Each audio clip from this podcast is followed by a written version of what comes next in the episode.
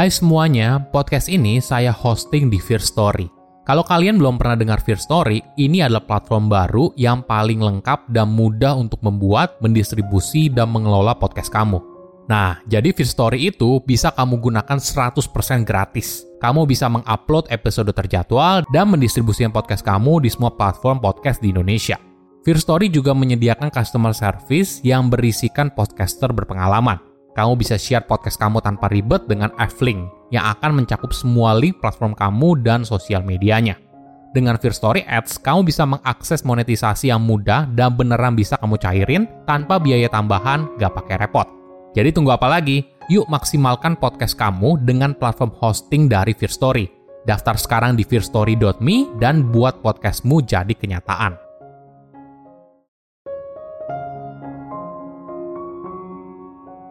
Kita sering kali salah kaprah soal bahagia. Kita berpikir untuk bahagia maka kita perlu sukses dulu. Kenyataan justru sebaliknya.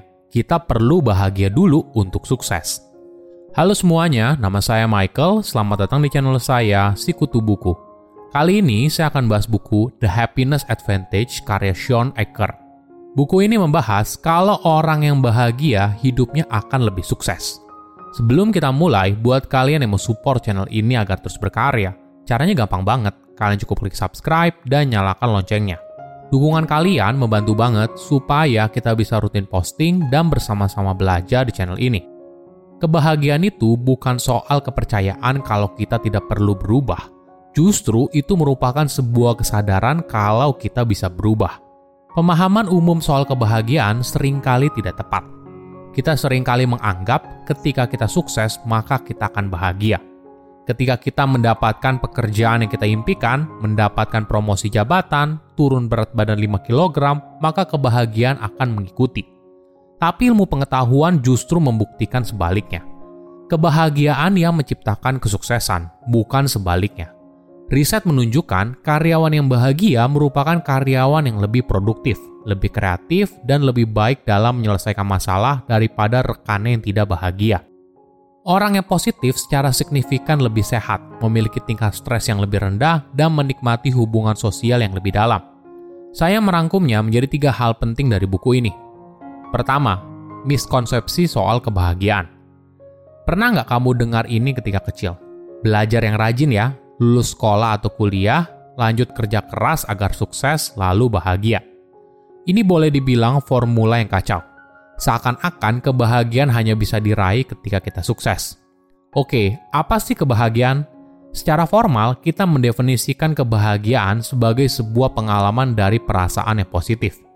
Tapi kenyataannya, kebahagiaan itu sangat subjektif, relatif kepada individu yang mengalaminya. Psikologi positif menunjukkan ketika kita merasa senang dan punya mindset positif, maka kita cenderung lebih cerdas, lebih termotivasi, dan pada akhirnya menikmati banyak kesuksesan. Sebaliknya, perasaan negatif justru menghambat keahlian kita dalam berpikir dan bertindak. Mungkin saja kamu pernah mengalami hal ini, di mana kamu merasa sedang down sampai kamu tidak ingin keluar rumah. Ketika kita mengalami perasaan positif, otak kita dibanjiri dopamin dan serotonin reaksi kimia yang membuat kita merasa senang dan mendorong bagian otak yang berhubungan dengan pembelajaran dengan cara menyusun informasi baru, menyimpannya, dan lebih mudah untuk mengingatnya di lain waktu. Sederhananya, ketika kamu berada dalam mood yang baik, kamu akan punya nilai matematika yang lebih tinggi. Menariknya lagi, ratusan studi ilmiah soal kebahagiaan menemukan kalau kebahagiaan justru yang mengantarkan kita untuk sukses hampir di setiap aspek dalam hidup mulai dari hubungan percintaan, pekerjaan, kesehatan, hingga kreativitas. Tidak aneh, banyak perusahaan besar justru mulai mengintegrasikan aspek fun atau kesenangan ke dalam kantor mereka, dengan harapan membuat karyawannya bahagia. Ada sebuah studi yang menarik. Studi ini mengukur tingkat dasar perasaan positif dari 272 karyawan yang ada di sebuah perusahaan, lalu mengukurnya dan membandingkannya dengan kinerja mereka selama periode 18 bulan. Peneliti menemukan karyawan yang dasarnya bahagia berakhir dengan laporan evaluasi kinerja yang lebih baik dan gaji yang lebih tinggi. Menariknya, orang yang sukses ini tidak melihat kebahagiaan sebagai hadiah atas kerja keras dan pencapaian mereka. Melainkan mereka sukses karena mindset positif yang membuat mereka bisa menjalani hidup dengan maksimal. Ini adalah keunggulan bagi orang yang punya mindset positif. Mungkin bagi beberapa orang, mereka merasa dirinya bukanlah orang yang selalu happy. Beda dengan rekan kerjanya yang terlihat begitu ceria. Tapi kenyataannya, semua orang bisa mencapai keuntungan ini karena hanya soal perilaku dan konsistensi. Kedua, pandangan kita soal dunia mengubah segalanya. Jika kamu punya anak atau punya saudara, pasti ada masanya ketika kalian sedang bercanda hingga akhirnya anak kecilnya menangis. Lalu, biasanya kamu berusaha sebisa mungkin untuk membuat si kecil berhenti menangis agar tidak mengadu kepada orang tua. Biasanya dengan cara membuat lelucon atau memuji anak kecil itu. Nah, kenapa hal ini berhasil? Kenapa kata-kata yang diucapkan bisa mengubah pengalaman kita dalam hal rasa sakit dan penderitaan? otak kita harus memutuskan apakah harus menggunakan energinya untuk pengalaman rasa sakit, negatif, dan stres. Atau menggunakan energi yang sama namun ke arah pengharapan, optimisme, dan penuh makna. Inilah kenapa ketika kita membujuk anak kecil untuk berhenti menangis, itu bisa berhasil.